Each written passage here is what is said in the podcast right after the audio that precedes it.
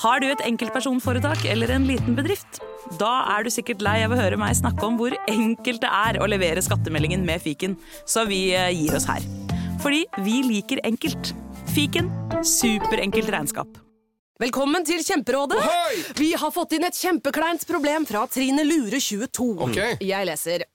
De to andre i kollektivet mitt har begynt å date, og jeg syns det er veldig kleint når vi skal se på TV sammen, og de bare skal kline. Ok, ja, Hvordan skal hun løse dette? Siden Trine Lure er under 30, får hun jo ubegrenset data fra Telenor fra 399 kroner. Da Da kan hun sette seg på sitt eget rom, streame så mye hun vil på mobilen. Ja, hun kan jo se på nye mobilabonnement på telenor.no. Ja, det er lurt. Å ta bedriftens årsoppgjør og sende inn skattemelding uten regnskapsprogrammet TrippelTex er litt som å kjøre budbil uten GPS. Du får nok levert, til slutt, men ikke uten å rote rundt og bruke masse tid. Med TrippelTex kan du stole på at du har riktig verktøy til regnskapsjobben. Prøv gratis på TrippelTex.no. Bli med inn i hodet til John Ausonius. Bedre kjent som Lasermannen. Han nøt å se seg selv på nyhetene, men han var ikke fornøyd. Han skulle jo drepe. Det samme året skulle han skyte to mennesker til, før han omsider oppnådde målet om å drepe. Hør på innsiden av Psykohoder med Jonas Alf Oftebro og rettspsykolog Susanne Nordby Johansen. Gratis der du hører podkast.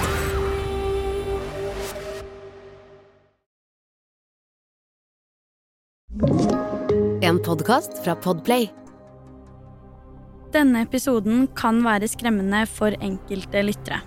Om du er yngre eller sensitiv, bør du lytte til episoden med en voksen du stoler på, eller skru av.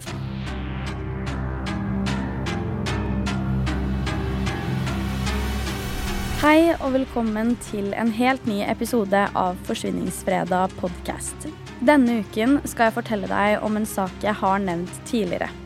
Det var i episoden om Jack the Ripper, som på mange måter har likhetstrekk til Zodiac-saken som jeg skal ta for meg i dag.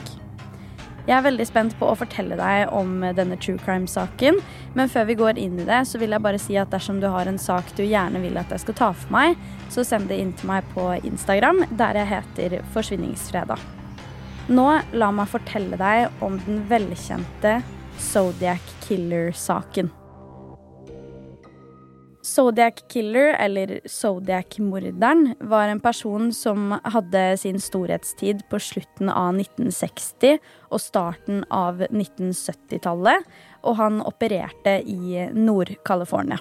Zodiac-morderen er på mange måter en karakter som har fascinert mennesker verden over i flere tiår, men nå har den blitt amerikansk krimhistories mest kjente uløste kriminalsak, og det syns jeg sier mye.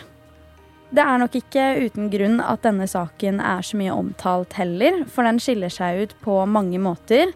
Bl.a. at gjerningspersonen kommuniserte med politiet underveis, akkurat som Jack the Ripper gjorde. Denne personen sendte også inn ulike brev som inneholdt forskjellige kryptogrammer. Om du ikke vet hva et kryptogram er, så er det i bunn og grunn et språk i symboler og en måte å skrive på som gjør at kun de som kan dette symbolspråket, har mulighet til å lese hva som står. Tre av de totalt fire kryptogrammene som Zodiac-morderen sendte inn, er fremdeles uløst, men det er jo ganske kult i seg selv at det ene av dem i det hele tatt ble løst, tatt i betraktning hvor vanskelig disse kryptogrammene kan være og er å løse. Akkurat dette kommer jeg tilbake igjen til litt senere.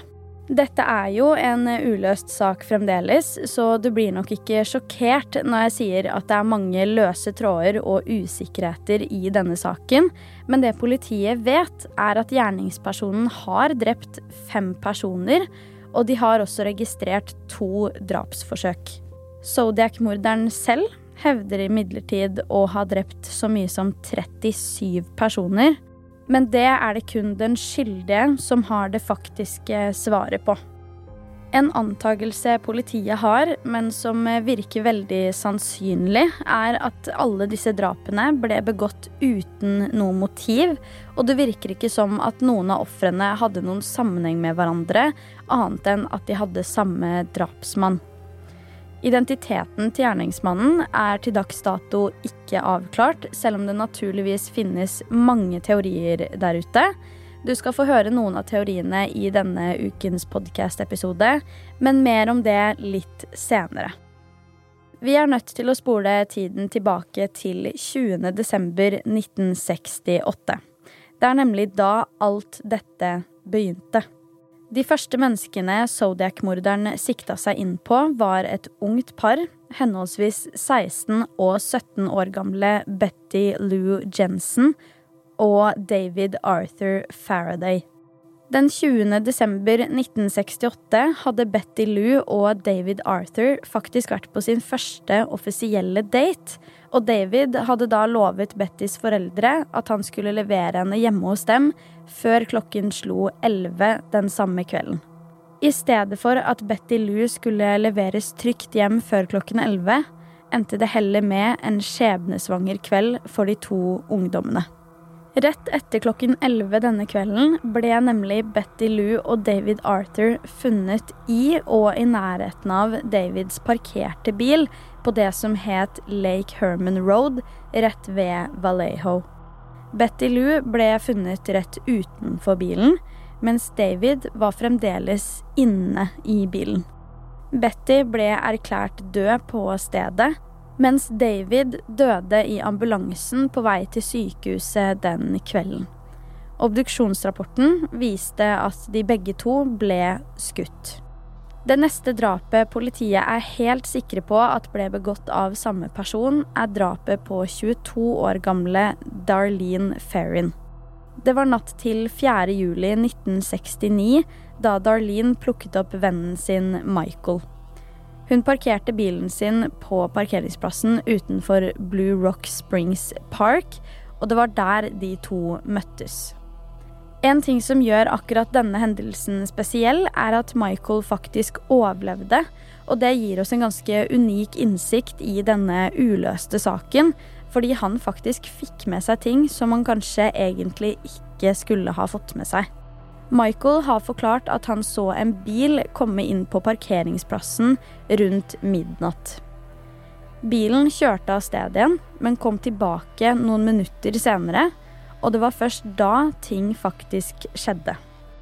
Michael har forklart at personen da kom opp til bilen der han og Darlene satt, lyste med lommelykta si, og deretter skjøt de begge to. Michael ble skutt i kjeven, skulderen og i beinet, mens Darlene ble skutt overalt. Det så nesten ut som at det var hun som var målet av de to. I likhet med det forrige drapet blir også disse funnet ganske raskt etter at hendelsen har funnet sted. Michael var jo som sagt så heldig at han overlevde drapsforsøket, mens Darlene døde i ambulansen på vei til sykehuset. Michael måtte jo naturligvis i politiavhør i etterkant av drapsforsøket og drapet, og til dem ga han en beskrivelse av gjerningsmannen.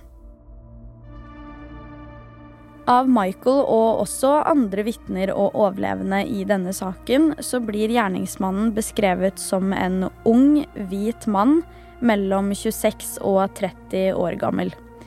Noen mener imidlertid at han kunne vært så gammel som 40 år. De beskriver han som rundt 90 kilo pluss og rundt 1,72 høy. Han hadde visstnok lysebrunt, krøllete hår og et stort ansikt. Noen vitneforklaringer legger også på at han brukte briller, og andre har sagt at håret hans nesten så litt rødt ut. Akkurat det kan det jo være flere grunner til. Rundt klokka ti over halv ett den samme natta som Darlene ble drept, så var det en person som ringte inn til politiet fra en bensinstasjon og forsøkte å rapportere inn to drap. Denne personen forteller da at det er vedkommende selv som har tatt livet av Darlene, og så tror han jo at han også drepte Michael. I denne telefonsamtalen innrømmet vedkommende også at han hadde drept noen unge personer året før, og det stemmer jo godt overens med drapene på Betty Lou og David Arthur.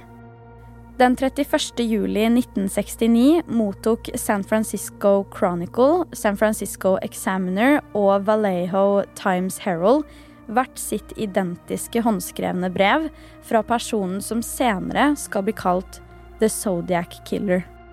Disse brevene inneholdt kryptogram, og det sto også tydelig at både brevene og kryptogrammene skulle bli offentliggjort innen fredag 1. august, som var dagen etter at disse avisene mottok brevet. Om ikke dette ble gjort, kom gjerningspersonen til å ta livet av enda flere personer. Politiet satt da igjen med mange spørsmål i denne perioden, spesielt da brevene kom, fordi det gjorde gåten større og større for hvert ord de leste, eller for hvert symbol de så. Kunne disse drapene ha en sammenheng? I disse brevene er det viktig å nevne at gjerningsmannen ikke refererer til seg selv som The Zodiac Killer.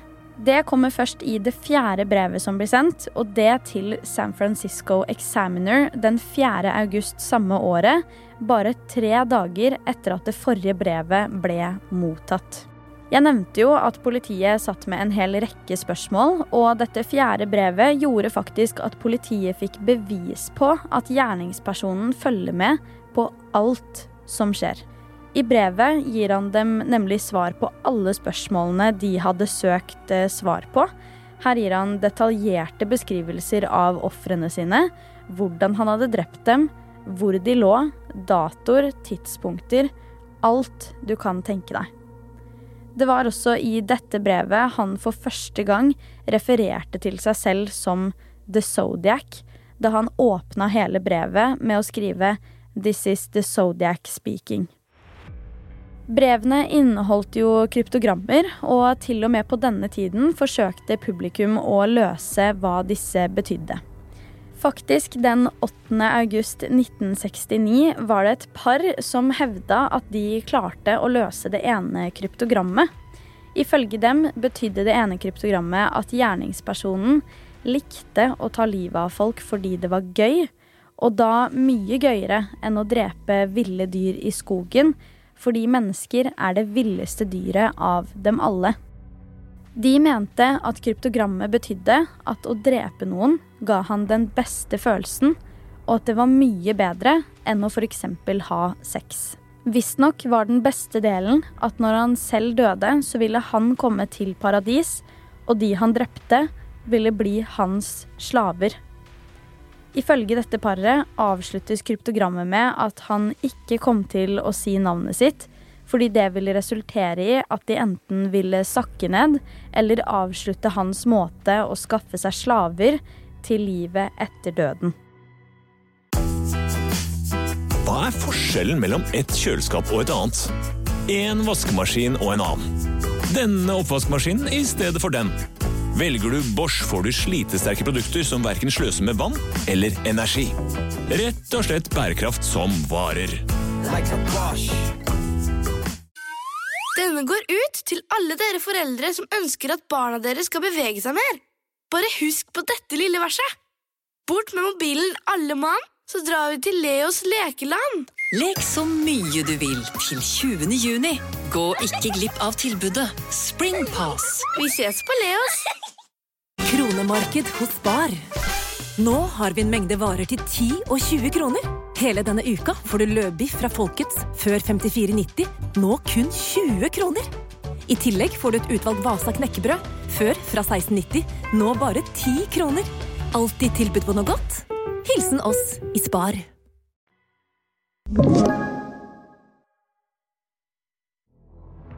Det er to hendelser til som er de to siste drapene vi er helt sikre på at er blitt begått av Zodiac-morderen. Aller først har vi drapene på Brian Calvin Hartnell på 20 år og Cecilia Ann Shepherd på 22 år. De to ble knivstukket den 27. september 1969 da de var på et utsiktspunkt i Lake Berryessa, som ligger i Napa County. Zodiac-morderen skal da ha kommet mot dem med et våpen og sagt at han har rømt fra et fengsel, og at han hadde drept noen. Visstnok forsøkte han å få ting ut av dem, altså penger og lignende. Han ender etter hvert opp med å knyte de fast i tau, før han etter hvert knivstikker dem begge i ryggen. Hartnell overlevde overraskende nok de åtte stikkene han fikk i ryggen, mens Shepherd døde av skadene to dager senere. For meg så høres det nesten ut som at Zodiac-morderen har vært klar over at han har latt noen leve hver gang, nesten. Hartnell fortalte i avhør at gjerningspersonen hadde på seg en typisk uniform, og utover det beskrev han gjerningspersonen på akkurat samme måte som jeg nevnte tidligere. Det siste drapet vi er helt sikre på, og som har vært en stor del av etterforskningen fordi det finnes så mange tekniske bevis akkurat i dette drapet, det er drapet på 29 år gamle Paul Lee Stein. Han ble skutt den 11. oktober 1969 på et sted som ble kalt Presidio Heights-området i San Francisco. Dette offeret var en taxisjåfør i San Francisco, og gjerningspersonen var tilfeldigvis en passasjer. Passasjeren endte etter hvert opp med å skyte sjåføren, og som du helt sikkert kan se for deg, så etterlater det en hel haug av biologiske spor kanskje bl.a. blodige fingeravtrykk og lignende. Og blodig fingeravtrykk ble funnet, men Zodiac-morderen selv mener at dette var noe han planta der selv for å lede politiet i feil retning. Hva tror du skjedde akkurat i dette tilfellet? Send gjerne meningene dine inn til meg på Instagram, der jeg heter Forsvinningsfredag. I denne saken hadde gjerningspersonen ikke bare overtaket, men han hadde også en stor fordel. Han og saken hans fikk jo vanvittig mye oppmerksomhet, og det ga han også muligheten til å følge nøye med på hvert eneste skritt som ble gjort i etterforskningen. Dette gjorde jo politiets oppgave desto vanskeligere, fordi nå hadde gjerningspersonen muligheten til å tilpasse seg informasjonen politiet visste. En ting som gjorde dette enda verre, var at underveis i etterforskningen ble det åpenbart at det oppsto en del dårlig kommunikasjon mellom de som mottok informasjon om gjerningsmannen, og de som skulle ut i felten og faktisk finne han. Noen av de som først var ute i felten, fikk nemlig først beskjed om at gjerningspersonen var en afroamerikansk mann, til tross for at det ble spesifisert av flere personer at dette var en hvit mann. Allerede på det tidspunktet tror jeg at det er høy sannsynlighet for at politiet har tapt mye tid, og kanskje har latt gjerningspersonen glippe mellom fingrene på dem. En ufattelig interessant og fascinerende samt frustrerende ting i denne saken er at det finnes et tilfelle der politiet faktisk har møtt på gjerningspersonen uten å selv være klar over det. Selvfølgelig plukka gjerningspersonen opp dette her og endte opp med å skrive om denne hendelsen i et brev han sendte inn. Det som skjedde, var at politiet kjørte nedover mot et veikryss, og i krysset tok de til venstre. På fortauet på andre siden av veien sto gjerningsmannen. I brevet gjerningsmannen skrev, forklarer han faktisk at politiet kjørte forbi han rundt tre minutter etter at han hadde gått ut av taxien, hvor han tok livet av Paul. Herfra gjorde politiet det de kunne for å få tips fra publikum, og det ble hengt opp en fantomtegning rundt om overalt for å forhåpentligvis få inn tips som kunne føre politiet videre i saken. Dette uten hell. I 1971 slutta Zodiac-morderen faktisk å sende brev i en periode, men det aller siste brevet vi noen gang fikk fra han, var i 1974. I dette brevet påtar han seg ansvaret for å ha drept totalt 37 mennesker. Nå har politiet en tilståelse fra en veldig troverdig person, men ingenting til å bevise hvem det egentlig er som sto bak det. De står i helt motsatt ende enn det de pleier i saker som denne. Som alltid i uløste draps- og forsyningssaker, og kanskje spesielt i de som får bred mediedekning, så oppstår det naturligvis teorier om hvem som står bak, Og det er ingen hemmelighet at også politiet har en rekke teorier når det kommer til denne saken. Den aller første teorien som jeg bare er nødt til å nevne, er at Zodiac-morderen er Ted Cruz, en amerikansk republikaner som har representert Texas i Senatet siden 2013. Grunnen var at folk fant ut i da 2013-2014 at han ligna beskrivelsene av gjerningspersonen, men det matcher jo samtidig ikke opp med verken tid eller sted for alle disse hendelsene, og i hvert fall ikke alder. Ted Cruz ble jo nemlig født i 1970, så han kan jo mildt sagt ikke ha hatt noe med dette å gjøre. Den neste teorien er nok eh, hakket mer troverdig enn denne Ted Cruz-teorien. Denne teorien går nemlig på at Earl von Best jr. er gjerningsmannen. Dette baserer seg på at sønnen hans Jerry Stewart skrev en bok han kalte for The Most Dangerous Animal of All i 2014. I denne anklager han nemlig sin egen far for å være Zodiac-morderen, og bevisene inkluderer likhetene mellom fantomtegningene og faktiske bilder av faren hans. Han nevner også det blodige fingeravtrykket funnet på Pauls åsted.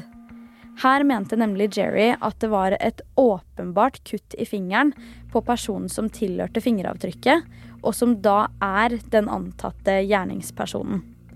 Dette matchet angivelig helt til farens finger. Den neste teorien er det faktisk veldig mange der ute som tror på, og det er at en av politibetjentene sto bak drapene. Bevisene er bl.a. at nesten alle drapene skjedde på steder som var veldig offentlige. Det er veldig mange som sier at det fingeravtrykket mest sannsynlig var falskt, og at det kan ha vært planta der. Flere eksperter har også hatt sitt å si på enkelte deler av denne saken. Og når det kommer til å plante dette fingeravtrykket, så mener de at for å få til det, så krever det rettsmedisinsk kompetanse. Det kan jo på flere måter underbygge teorien om at det var en politibetjent eller en person som jobba innad i bransjen, som sto bak. Igjen, jeg vil gjerne høre hva du tenker om akkurat dette, så send meg meningene dine på Instagram, der jeg heter Forsvinningsfredag. Så har vi den siste teorien jeg skal ta for meg i dagens episode. Det er også denne teorien som på flere måter har stått i fokus, og det er denne personen som har vært en av de hovedmistenkte i saken fra politiets side. Den mistenkte er Arthur Lee Allen. Han har vært eh, hovedmistenkt i denne saken veldig lenge, og han er faktisk det også til dags dato. Han ble dømt for barnemishandling tidligere, som kan gi mening med tanke på at han sa til to av ofrene sine at han hadde rømt fra fengsel. Det skal sies at det like gjerne kan ha vært en måte å lure dem på også. I tillegg til dette argumentet skal Arthur angivelig ha fortalt vennene sine at han var The Zodiac. Dette var visstnok ikke noe nytt for dem, fordi han hadde referert til seg selv som The Zodiac lenge før drapene fant sted, så det var hans kallenavn i utgangspunktet. Han brukte også en klokke som het eh, Zodiac, med det samme symbolet som gjerningspersonen signerte med i hvert av brevene sine. Tilfeldig eller mistenksomt. Veldig mange tror at han da i det minste kan ha fått inspirasjon fra dette merket eller logoen. I tillegg til dette fant politiet en skrivemaskin som tilhørte han, som matcha helt perfekt med skrifttypen som ble brukt for å skrive noen av brevene gjerningspersonen leverte til avisene. Så hva er egentlig motargumentene mot Arthur Lee Allen? La meg forklare. Egentlig er det bare to motargumenter som er relevante, og det er at verken DNA-beviset eller håndskriften kunne passe med gjerningspersonen ut ifra hva politiet klarte å finne ut av. DNA-profilen til gjerningspersonen matcha ikke Arthur i det hele tatt, og det gjorde ikke håndskriften heller. I 2002 tok de nemlig en test av de da 30 år gamle konvoluttene som gjerningsmannen leverte disse brevene i. DNA-testen de tok, viste at det ikke var Arthur i det hele tatt, og det kunne heller ikke være noen som var relatert til han. Den testen gjorde faktisk at San Francisco Police Department trakk Arthur som hovedmistenkt, og i San Francisco er faktisk hele denne saken lukka. I Napa County er saken en annen, og det gjelder også for Solano County og Vallejo. På disse stedene står fremdeles Arthur som hovedmistenkt, og faktisk også som eneste hovedmistenkte. De mener at det aldri var noen tydelige tegn på at Arthur ikke var Zodiac-morderen, men han døde faktisk i 1992 av noe som dreide seg om hjertet hans, før han fikk sjansen til å bli avhørt, eller at vi kunne få noen svar på hva som egentlig skjedde. Når det kommer til DNA-profilen og lignende, så er det mange som mener at det ikke er sterkt nok bevis mot han. Det er kanskje lett å si, men de mener jo da at han antageligvis har vært utspekulert nok til å ikke faktisk skrive disse brevene selv, og da også fått noen andre til å både skrive og levere brevene, slik at Arthur selv ikke kunne bli spora. Igjen, er det her sannsynlig, eller har de egentlig ikke kommet noe lengre vei i saken? Send meg gjerne meningene dine på Instagram, der jeg heter Forsvinningsfredag. Dette er en helt ufattelig spennende sak med mange unike faktorer, og det er jo faktisk også laget flere spillefilmer om denne saken.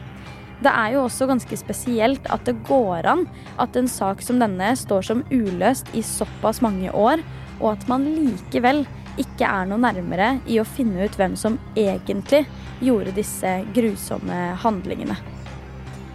Du har hørt Forsvinningsfredag podkast med meg, Sara Høydahl. Tusen takk for at du har lytta til episoden. Jeg er tilbake med en helt ny en allerede neste fredag. Og i mellomtiden, ta vare på deg selv.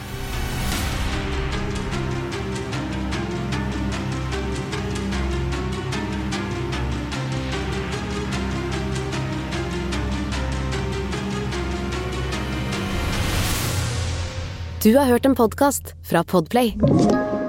En enklere måte å høre podkast på. Last ned appen Podplay eller se podplay.no.